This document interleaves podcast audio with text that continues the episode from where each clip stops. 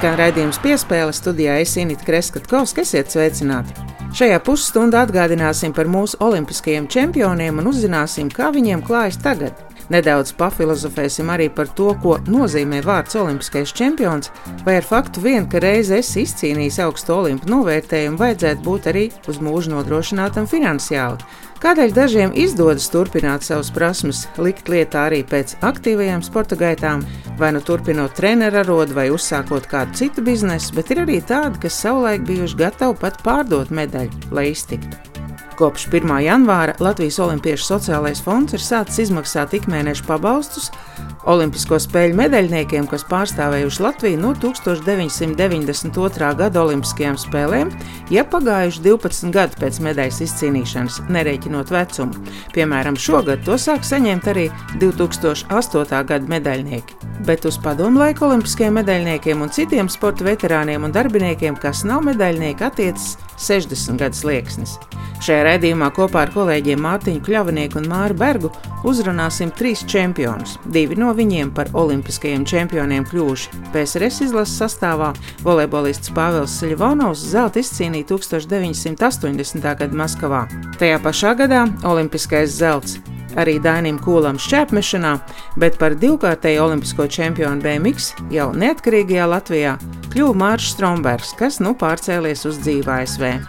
Tāda interesanta detaļa bija uzrunājusi arī vingrotāja Igora Vihro, kurš visus patīkami pārsteidz 2000. gadā Sidnejā, kļūstot par olimpisko čempionu. Šajā nedēļas nogalē viņš kā izlases treneris atrodas Turcijā, kur notiek Eiropas čempionāts. Un viena no meiteņu galvenajām favorītēm kas arī turpina cīņu par olimpisko kvalifikāciju, ir viņa meita Elīna Vihro. Tā sakot, dinastija turpinās un vēlam veiksmus gan treneriem, gan arī audzēknei.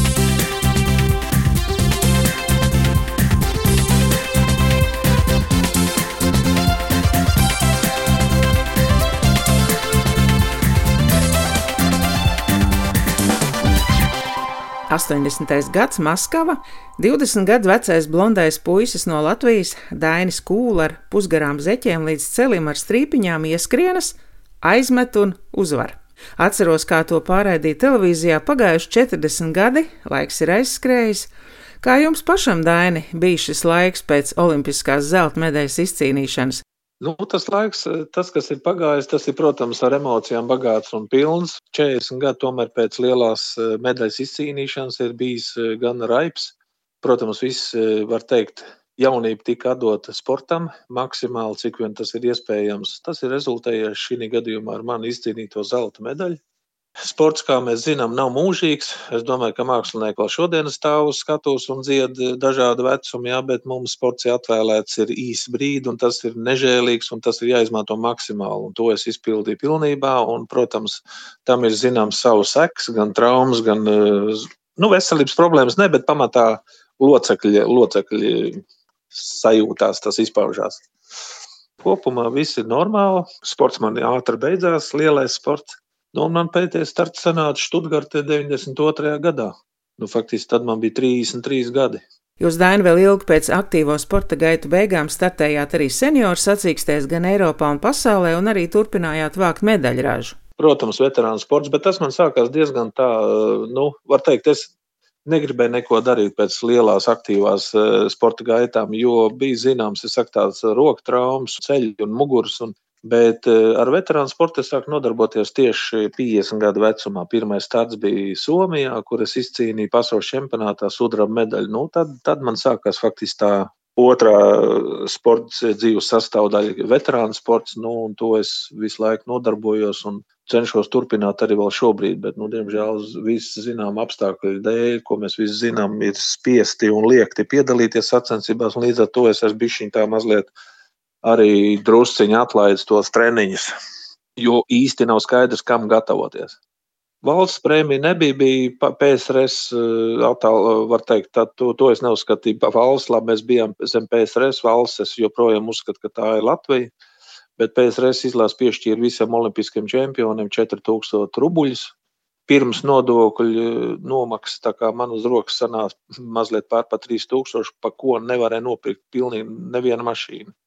Jo, kā mēs zinām, Žigulīts Krievu tajā laikā maksāja 5000. Ja šobrīd olimpiskais čempions saņem 100 tūkstoši, tad nu, viņš var droši nopirkt piecas jaunas mašīnas. Mūsu laikā tas nebija iespējams. Te nav ko filozofēt, vai tajā laikā vispār kāds dzīvokli pirka. Neviens labais kombainieris dabūja dzīvokli, mana mamma dabūja dzīvokli. Viņa olimpiādu nav vinnējusi, nevienu medaļu viņa nav izcīnījusi nevienos mačos. Tajā laikā par labiem sasniegumiem deva katram dzīvokli. Protams, bija rindas. Nu, man palēmēs tas, ka man iedeva bez rindas to dzīvokli divistam. Bet neviens tajā laikā neko nepirka. Tāpat tās, ka mēs nepirkam, nevarēja, nebija iespēja nopirkt mašīnu. Mums bija iedeva bez rindas iegādāties, protams, ja tev ir nauda. Tā kā dzīvokļi, tas labi, tā ir piešķiršana, bet tas nav iedots, lai visiem būtu mutes vaļā, kad oi, Dainim iedeva dzīvokli. Jā, iedeva televizoru, iedeva vēl kaut kādu skapi, bet tā kā tā. Daina, vai uz sevi arī varat attiecināt to sakāmo, ka reizēm svarīgi ir iedot makšķeri, lai pats turpmāk tikt pie zivīm? Vai ir bijis kāds avans dots, lai uzsāktu citu līmeņu attīstību? Protams, par makšķeru un zivu te var būt tāds diskutabls jautājums. Mums bija iespēja Protams, ja tev ir izcīnīta zelta medaļa, tev ir viss vaļā. Ir sevišķi krievu laikā, ja tu gribēji taisīt karjeru, es domāju, tas bija ļoti liels eh, tāds priekšnosacījums, lai tu vai nu iet partijā, vai nu tu iet eh, drošības dienestos. Jo tev bija salīdzinoši iespēja lielāka, ja tu esi pārbaudījis, tu esi bijis ārzemēs, jo tajā laikā, kas varēja tikt uz ārzemēm.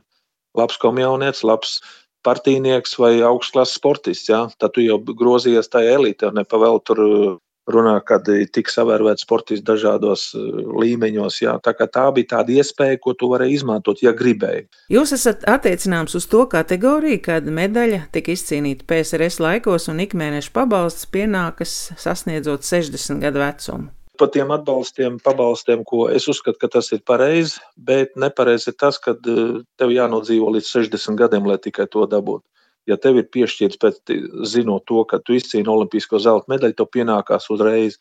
Nu, tad tagad mūsu bobslēgs gaidīs 30 gadus. Kas pēc 30 gadiem būs, varbūt viss labāk iedot viņiem tagad, jo ir tāds sportists, kas pēc olimpiādas, pieņemsim, viņi neizpilda normatīvu, viņi netiek tajā lauva sastāvā, jā, tad vismaz tā nauda, kas būtu, dot iespēju vismaz kaut ko padarboties. Pretējā gadījumā sportistam jāmet miers un viņam jāiet strādāt un nevar arī aiziet strādāt pēc sporta, ja mēs neviens, jo sportojot uz sportu un domā tikai par sportu.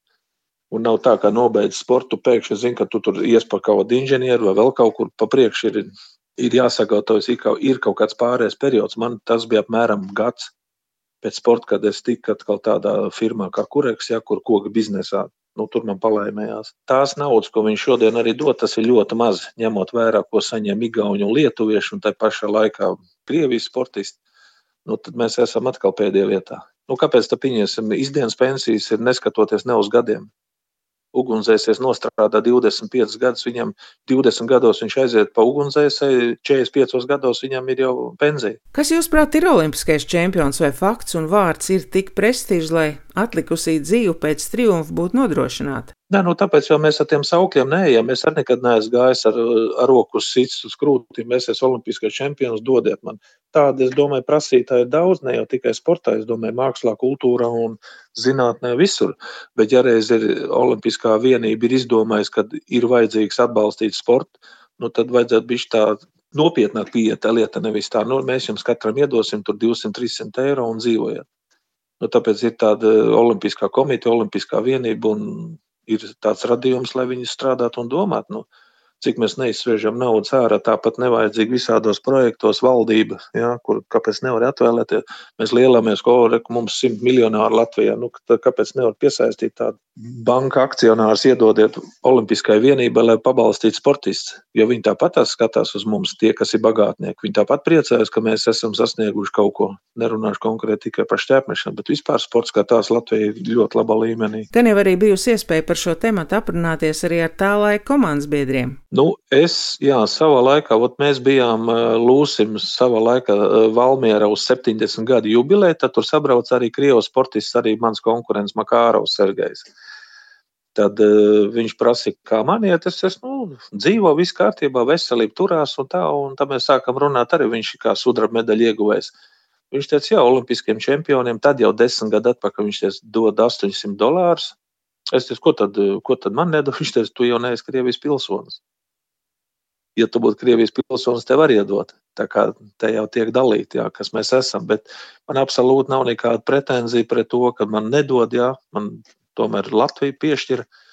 Un Vēnspils palīdz tā, ka, protams, katrs, katra valsts tomēr par saviem sportistiem cīnās un domā, un tas viss ir apsveicami. Nu, mēs, mums jau nav jau teiks, ka mums arī nepalīdz. Viss ir kārtībā, tikai tā, tā finansiālā puse ir daudz minimālāka nekā tādā Krievijā vai, vai, vai Lietuvā, Igaunijā. Viņiem arī nu, ļoti labs naudas. Es tādu esmu dzirdējis. Nu, protams, man nav fakti, bet to, ko es esmu dzirdējis, ka Lietuva 1400 eiro zelta saņem pabalstu čempioniem. Igauniem vai nebija kaut kā 1300. Konkrēti medaļniekam. Jā, tā kā Erkina Olas pieņemsim Igauniem desmitcīnieks vai, vai, vai Tammerts diskmešanai, jā, viņi saņem pieņemsim 1300, 1400 eiro. Viņi ir olimpiskie čempioni. Es tikai nezinu, viņi, nu noteikti viņi tagad, vai viņiem ir noteikts tas 60 gadu, to es nezinu. Es neesmu to jau Olimpiskā komiteja noteikti Latvijas labāk varētu pateikt. Te lielās viss, kad es terkinam, ja nolikvidējās tā 150 miljonu, viņam ir peļņi. Ak, kungs, nu, nu tad vienu miljonu noziedu. Nu, ne jau tikai mums, lai samaksātu naudu, vispār Olimpiskajai komitejai, lai viņi varētu uzturēt sporta sistēmu kā tādu, infrastruktūru, visu. Un par to viņam tikai pateikt paldies. Es domāju, viņiem arī akcijas celties, un viņi tikt arī nu, pozitīvi pozicionēti šajā situācijā. Bet es nedomāju, es, tā kā par naudām runāju, es domāju, es varu runāt par naudām, tāpat uzreiz cits arī runā. Gan pilnīgi visas jā. Jūs turpināt Dainas čēpmešanas disciplīnu popularizēt un dodat iespēju arī jaunajiem attīstīties arī sacīkstēs Vēnspils šķēpi, kad pats arī pasniedzat uzvarētājiem balvas. Jā, tā kā saucās Vēnspils šķēpi, to mēs jau izveidojam 80. gadā. Māra, man treneris Māra Grīva ideja, jā, uztaisīt sacensības. Nu, līdz šim brīdim tās sacensības notika, izņemot šito gadu, kad mēs nospriedām, ka Covid dēļ sportisti arī nebūtu gatavi braukt. Tieši sanāca arī tie mači bija domāti kaut kur jūnija sākumā, jā, un tad martā bija tas Covid, nu, līdz ar to tur ierobežojumi. Nu, tad nospriedām, ka šogad nē, nu, ja nākošais gads viss būs kārtībā, nu, man sacensības atlikt tas jau sīkums, bet ja cilvēkam, kas nodarbojas profesionāli, viņam atliek olimpiādu, nu, tad tas ir daudz sāpīgāk. Ja četri gadus ir trenējies cilvēks un šo, šogad bija jābūt olimpiādai, viņi tiek pārcelt uz nākošo gadu. Tas vēl nav zināms, vai viņi nākošais gads būs tad viņi profesionāli, eh, profesionālie sportisti ir galīgā bezizējā. Mēs tad veterāni varam paciesties. Mums jau ir atkal tas status tā. Nav šī piecgadē, būs nākošā piecgadē. Ap profesionālam tas ir tā, ja tev varbūt pārgādu laikā tu ne, nevar neko izdarīt, viss tev arī varbūt apnīk sev visu laiku mocīt un zinot to, ka maču nav un tā kā jēga. Un visbeidzot, mūsu sarunas noslēgumā jautāšu, ko 80. gada olimpiskais čempions Dainis Kūls dara tagad, kas dod gandarījumu ģimene, varbūt mazbērni? Nu, jā, es varu lepoties ar, ar to, ka man abiem dēliem ir pa diviem mazbērniem. Jaunākam puikam ir divi dēli, vecākam puikam meitiņa un arī dēls, tā kā man ir četri mazbērni. Tagad pēc mūsu sarunas es ņemšu vecāko mazdēlu un brauksim uz mežu pastaigāt. Tas ir galvenais. Turamies un priecīgs Ziemassvētks. Tas bija interesanti uh, atvērt šīs durvis pēc 40 gadu pārtraukuma. Mums ir tā, ka sevi nedaudz jāizcīna un jāpārvar, jāizkāpj no tās komforta zonas, jo nevar jau visu laiku dzīvot komforta zonā. Uz sarunu esmu aicinājis šā brīža Rīgas volejbola skolas treneri Pāvelu Seļvānovu, kurš 1980. gada Maskavas Olimpiskajās spēlēs izcīnīja zelta medaļu volejbola turnīrā PSRS izlases sastāvā. Sarunas sākumā vēlējos jautāt, kā atceraties laiku pēc Olimpiskās zelta medaļas izcīnīšanas? Zaļa vai zelta dzīve, pēc Olimpiskajām spēlēm tas ir padomjas laikā nebija tāda izteikta, ka tagad būtu, teiksim, pieņemsim, tas naudas ziņā, prēmijas ziņā, tad, teiksim, atbalsts tāds, nu, cilvēki sāka interesēties, kā tur gāja un tā tālāk un joprojām. Nebija tāds, kas, teiksim, ka kaut kāds, nu, mistisks tāds pārdzīvojums, ka bija jāielaiž pāri tīklam. Nu, darījām savu darbu. Es joprojām uzskatu, ka kaut gan Visi saka, ka padomjas laikā profesionāla sportistu nebija. Mēs bijām profesionāli sportisti un mēs darījām savu darbu, pa kuru mēs saņēmām naudu. Tas atlīdzinājums laikam nebija tik labs, ka tagad varētu būt. Ja? Bet nu, tās bija bijis, tāda bija dzīve. Nu, ko tad mēs tagad varam? To nevar izsvītrot vai izmainīt, neko mēs vairāk nevaram. Nu, teiksim tā, pēc tam, pēc tādas uzvaras nekas nav bijis, bet es pateikšu atklāti, ja mācību laikā teiksim, manā gadījumā, es par sevi varu tikai runāt, ja?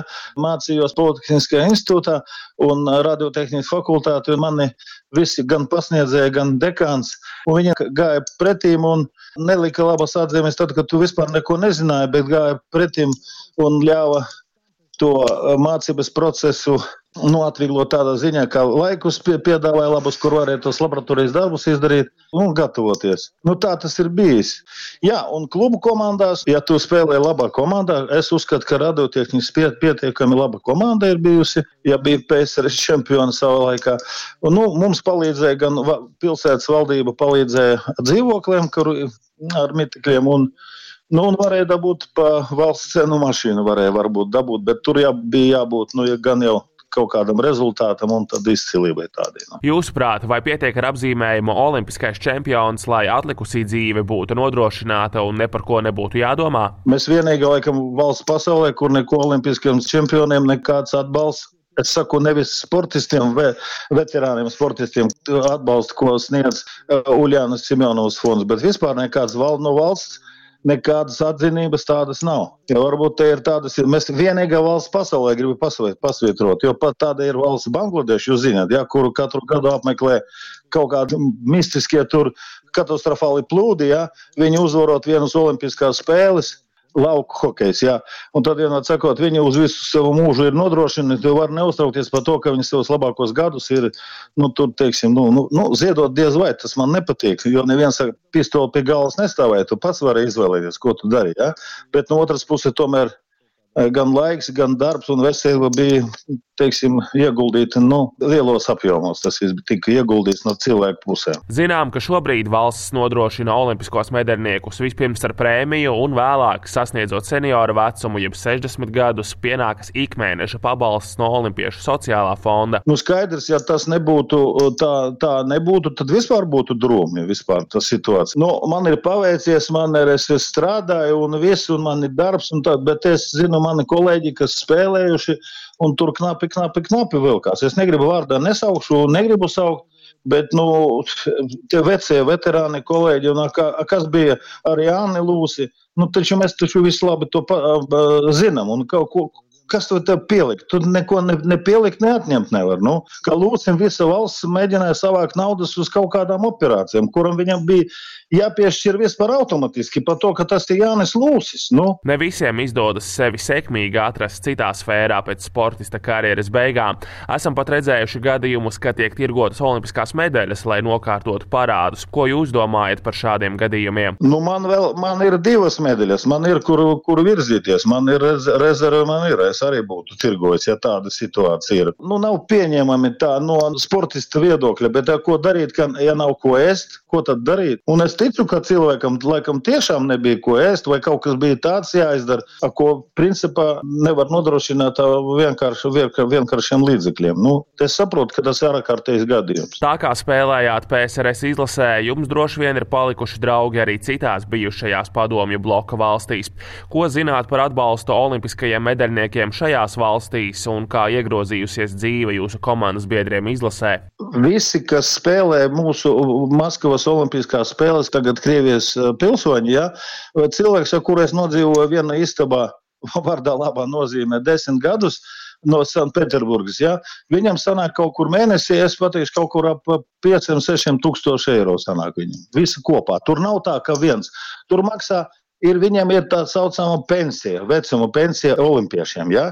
Nevis pabalsts kaut kas pensija. Pēc tam vietējā pilsēta, Sanktpēterburga. Pēc tam viņiem par to, ka viņi ir PSRS nopelnījumi bagātie sporta meistari, ir kaut kāda piemaksa. Es saprotu, ka cilvēkiem varbūt liksies tas drusku neloģiski. Saprot, es ļoti labi saprotu, ka visas tas vērtības ir pasaulē sagrozītas. Ja? Un kāpēc, teiksim, sportistam kaut kādam jāmaksā kaut kāda nu, nu, tur kosmiskās summas jāmaksā, un kāpēc parastais strādnieks, kas strādā ostā, viņam nav pieejas pie tādām, pie tādām summām. Bet es domāju, tā, ja tas būtu, teiksim, cilvēks būtu piedalījies ostu krāvēju pasaules čempionātā, un viņš ieņems pirmo vietu, viņš laikam nebūtu vienkāršais uh, ostu darbinieks vai iekrāvējs kaut kāds. Viņš arī būtu kaut kāda jau zvaigzne. Tāda. Cik viegli vai grūti jums pašam pēc sportista karjeras beigām bija uzsākt dzīvi kā ierindas pilsonim? Pirmkārt, es sevi uzskatu, joprojām vienmēr uzskatīju, ka pa, pa parasto džeku es neskatījos, ka ne, nekad neesmu staigājis ar pielīmēt pie pieras lozungu, ka es esmu olimpiskais čempions. Un es nekad nedomāju par to, kā man būs grūti. Visi sportisti pēc karjeras beigām sāk, sāk dzert un dropēt un iekrīt alkoholizmā un tā tālāk. Man tādu problēmu nebija. Es darīju, ko es mēģināju darīt. Man ir trīs augstākās izglītības. Vai nu, tikai cits jautājums, vai viņas tas līdz vai nelīdz, tas pavisam cits jautājums. Ja? Bet nu, viņas ir, un man tādu problēmu nebija. Un ar alkoholu man arī problēmas nebija. Nu, es, es, es nezinu, varbūt es pārāk labi par sevi domāju, bet es neredzu nekādu problēmu, ka cilvēkam jāsagatavo kaut kādi apstākļi tikai tāpēc, ka viņš beidza dzenāt bumbu, un tagad viņam speciāli jāsagatavo kaut kādi apstākļi, lai viņš iekļāvās normālā dzīvē. Vai tā mums nebija normāla? Visiem bija normāla dzīve, tāda, kāda viņa ir bijusi pēc labi nobrauktiem mačiem un tieši no radio, no radio sporta raidījumiem. Tie ir tie pirmie cilvēki, kuriem ar maniem runā. Tev paliek viss grūtāk, bet tu zini, ka tu cīnies par komandu, tu cīnies par Latvijas vārtu un tur parādās tā cīņa. Latvijas radio pirmā kanāla sporta raidījums piespēle turpinās, un tā turpinājumā sarunāsimies ar divkārtējo olimpisko čempionu BMX riteņbraukšanā Māris Strombergs. Viņš Latvijai zeltu atnesa 2008. gada Pekinas Olimpiādē, un to pašu izdarīja arī savu čempionu titulu aizstāvot 2012. gada Londonas Olimpiskajās spēlēs. Vienīgais latvietis, divkārtējais olimpiskais čempions joprojām. Un, uh, līdz pat 2016. gadam vienīgais olimpiskais čempions arī eh, BMX disciplīnā Olimpiskajās spēlēs. Un Māris mums ir pievienojies sarunai no savām mājām Kalifornijā. Sveiks, Māris! Sveiks, sveiks! Par to, ko šis tituls vispār dod dzīvei pēc tam eh, un kāds tas ir atspēriena punkts vai kādam varbūt arī lāsts pēc tam, vai smags uh, akmens kaklā uzkarināts.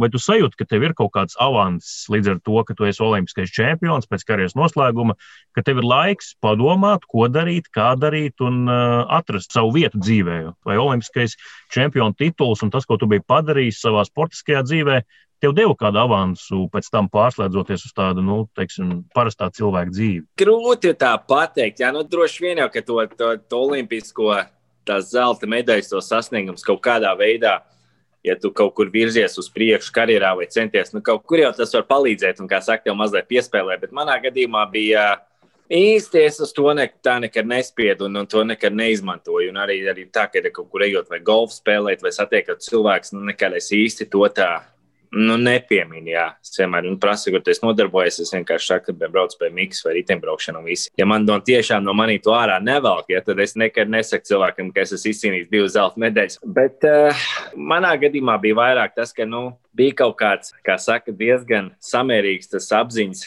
līmenis savos tajos ziedu laikos, kad es jau kaut kādā veidā arī domāju par tām dienām pēc karjeras beigām, jā, kas attiecās ar to, teiksim, no kaut kādiem finansiāliem ieguldījumiem vai naudas iekrāšanu un tādā veidā. Nu, tā kā, tādā ziņā es varētu teikt, nu, es biju diezgan jā, nu, apzinīgs. Nu, nebija tur lielākais, kas bija nu, krājējis, labākais, kas ir. Bet, uh, laicīgi un, un, un veiksmīgi, varbūt īstajā vietā, īstajā laikā satikt īstos cilvēkus, vēl, ka brauc arī BMX, un kas man palīdzēja salikt to visu tādu nu, pa pareizām vietām, ka pēc karjeras beigām, principā, jā, nu, tāpat tās es baudu dzīvi, ja spēlēju golfu, audzinu mazo, un principā arī ar to, to arī es notarbojos. Jā nu, tituls, olimpiskais čempions jau, es domāju, tu piekritīsi, vēl neko negarantē. Tas tev uh, nedod nekādu veidu priekšrocības pēc tam ne darba tirgu, ne, ne arī kā citādi. Nu, varbūt kāds darba devējs uz to paskatās tā labvēlīgāk, bet uh, tomēr, ja tu nebūtu droši vien uh, noslēdzis labu līgumu pēc Pekinas olimpiādas un pēc tam arī vēl labākus līgumus ar savu komandu, kurā tu brauc un sponsoriem, tad uh, šobrīd tu nedzīvo tā, kā tu dzīvo, vai ne?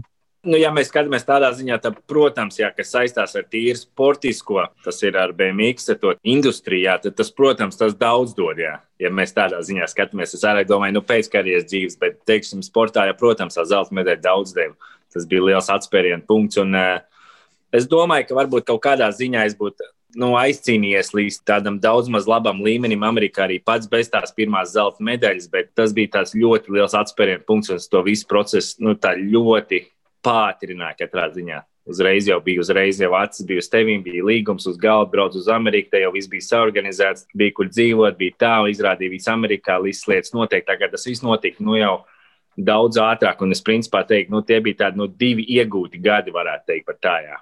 Domāju, tas process būtu, nu, ja es nebūtu minējis to zelta medaļu, tad tas būtu divu gadu lēnāks process. Jā. Bija tā zelta medaļa, ka mēs varbūt kaut kādā veidā to līgumu gaidījām lielāku vai labāku, to pirmo vai ne, no tās Amerikas puses. Un, nu, tas varbūt bija no tāda viedokļa, bet atbraucot jau šeit, protams, jā, nu, sākās jauns gads, un, protams, tev jāpierāda nu, sevi no jauna. Ir. Tu esi jaunā vidē, tev jābrauc un jāpierāda. Un tas, nu, palielam tā arī bija. Jā. Man bija jābrauc mačos, jāpierāda, ka es varu uzvarēt nedēļu no nedēļas, un tad arī nu, tā, tā interese ar vien lielāk radās, un, ka, kas viņš tāds ir, un tā gribēja to cilvēku iepazīt. Un, un, nu, īsti jau viņš tev neko negarantē. Tas tev ir tāds atspērienu punkts, bet uh, nevienā sportā jau visas lauriem gulēt nevar. Jā. Sports iet uz priekšu, viss attīstās, ir jauni mači, un, un, un bez rezultātiem jā, nu nekur neiztiks. Jā. Tā vērtība varbūt tai pirmajai ir tik liela, ka, eh, ka tas bija BMX iekļauts pirmoreiz Olimpijādē, pirmais zelts Latvijam pirmais no, vispār no, no mazas valsts. Un tas padarīja to visu to daudz lielāku, varbūt, ja? nu, tādā ziņā, ka otrā olimpiāda, kad tika atkārtots, bet, ja, piemēram, pirmā olimpiādē būtu vinnējis kolumbietis, otrā amerikānis un trešajā Latvijas, tas, protams, būtu, es domāju, no, no zelts ir zelts, ja olimpiāda ir olimpiāda. Un, un, un, un, liels sasniegums, bet varbūt tas, kā es to izdarīju, un ka tas izbēmīgs bija pirmoreiz Olimpijādē, es biju viens no jaunākajiem braucējiem Olimpijādē tajā gadā, 28. gadā. Un ir sporti, kur viņš, nu, kā saka, tas olimpiskais zelts nekotējās tik daudz, tik augstu, jā, kā teiksim, ir, ir citos sporta veidos. Un, un, un, un man liekas, arī svarīgi, no kuras valsts arī. Jā. Jo amerikāņi ir kā Konors izcīnīja zeltu, kas bija BMX 2016. gadā. Bet, uh, It kā forši, forši, bet tā, nu, Amerikā viņiem tie zelti ir tik daudz, ka tas viss nu, tā, mm. tā, notrulinās. Ja mums Latvijā, teiksim, maza valsts, un ja mums ir tas viens zelts un viens sudraba medaļa, vai nu, vienalga tas ir. Nu, Mēs to novērtējam daudz nu, vairāk nekā tādās lielās valstīs. Tur jau skaita medaļas. Bija tiešām labi laiki, un par ko es nevarēju sūdzēties. Es izdzīvoju tos laikus, un bija baigi forši. Un, tā kā skatoties atpakaļ, labas atmiņas. Jā. Nu, tāpēc, ka varbūt BMX, protams, nav basketbols. Jā. Arī pēc olimpiskās medaļas nu, tie, tie griezti nu, nav tādi, kā tev griezti, teiksim, pēc NBA zelta medaļu izcīnīšanas vingrotāji amerikāņi, kas ir nu, diezgan ļoti slaveni, tas Simona Bails, ja, kas ir uzcelti jau, nu, zin, kā, nu, jau ar, ar visām reklāmas lieliem, nu, atpazīstam visā, visā Amerikā, kā saka. Nu, Amerikā tas viss vairāk tendēts uz, uz, uz, uz, uz tādu nu, mārketingu, kā jau vienmēr. Jā. Uz tirgu, uz reklamēšanu, uz, uz sponsoru darījumiem un tā tālāk. Tā kā, nu, tāpēc BMX tādā ziņā nu, viņš ir mazāk sportveids, viņam nu, mazliet grūtāk salīdzinot ar, nu, ar tiem uh, pat kaut vai to pašu snowboardīs, kas ir šauns vaids, nu, vai ne tādā veidā. Un, kā saka, viss ir savu plusu un mīnus, bet es saku, Amerikā tas vairāk tendēts uz tādu uz, uz mārketingu, jo lielāks sports, jo lielāks mārketings, jo lielāks iespējas un tā tālāk. Nu, tas viss ir nu, mm. ķēdes reakcija, jebkurā gadījumā. Jā, gan jau tu zini, kā Latvijā notiek augstu sasniegumu uh, sportistiem, kad viņi nokļūst veterānu vecumā. Tu esi pētījis, kā, kādas uh, ir un kāda ir sistēma, un varbūt, nezinu, ja tu būtu pie varas, ko tu mainītu, jo ir Olimpiešu sociālais fonds, kurš izmaksā šos pabalstus, laikam tā to var nosaukt ik mēneši, mm, pabalstu šos senioru čempionus. Kāda sistēma būtu tāda, nezinu, Latvijai ideālā, tavuprāt, nu, kā aprūpēt tos, tos, kuri atdevuši savu veselību, ir Uh, lai nestu valsts vārdu pasaulē. Tas ir ļoti labi, kad ir, nu, ir, ir, ir tādas medaļas izcīnītas, ka tev, kā saka, vecumdienās tev nu, valsts atbalsts. Nu, īsti jau vairāk neko prasīt nevar. Nu, tas jau, ka es izcīnīju to vienu zelta medaļu, nenozīmē, ka tagad pēc pieciem gadiem es beidzu karjeru un visu, un tagad man, man jā, valstī būtu visu mūžu jāmaksā alga vai, nu, nezinu, vai kaut kādā tādā veidā. Tev pašam droši vien ir jānodrošina sev tas, lai tu varētu labi dzīvot arī pēc karjeras, līdz ar to jāizmanto savas jā. zināšanas, potenciāls, izglītība, jā, jā, lai jā. nebalstītos tikai uz to zeltu, ko tu sasniedz 20 gados, vai ne? Tieši tā, zelts, jā, tādā ziņā neko. Nu, viss dienas beigās ir, nu, jābūt galvas pleciem, jā. Tur nav svarīgi, vai tu esi sportists vai tu sēdi oficiālā un strādā, vai nu vienalga, ko tu dzīvē dari. Nu, galvā jābūt uz pleciem un, un, un sportā. Nu, ar, ar tām, nu, manā gadījumā ar tām kājām jau viena nekur tālu dzīvē netiks. Jā. Kaut kad tas sports beigsies, un, un, un tā īstā dzīve arī sāksies. Lai es tajā sportā biju, kā saka, līdz ausīm iekšā un atdevu visus 100%, bet tas kaut kāds pusprocents vai cik tā pašapziņa bija, tas sports kaut kad beigsies, un, un es tam biju gatavs, jā. Un biju sagatavojies, un man no tā nebija bail nevienu brīdi, jā.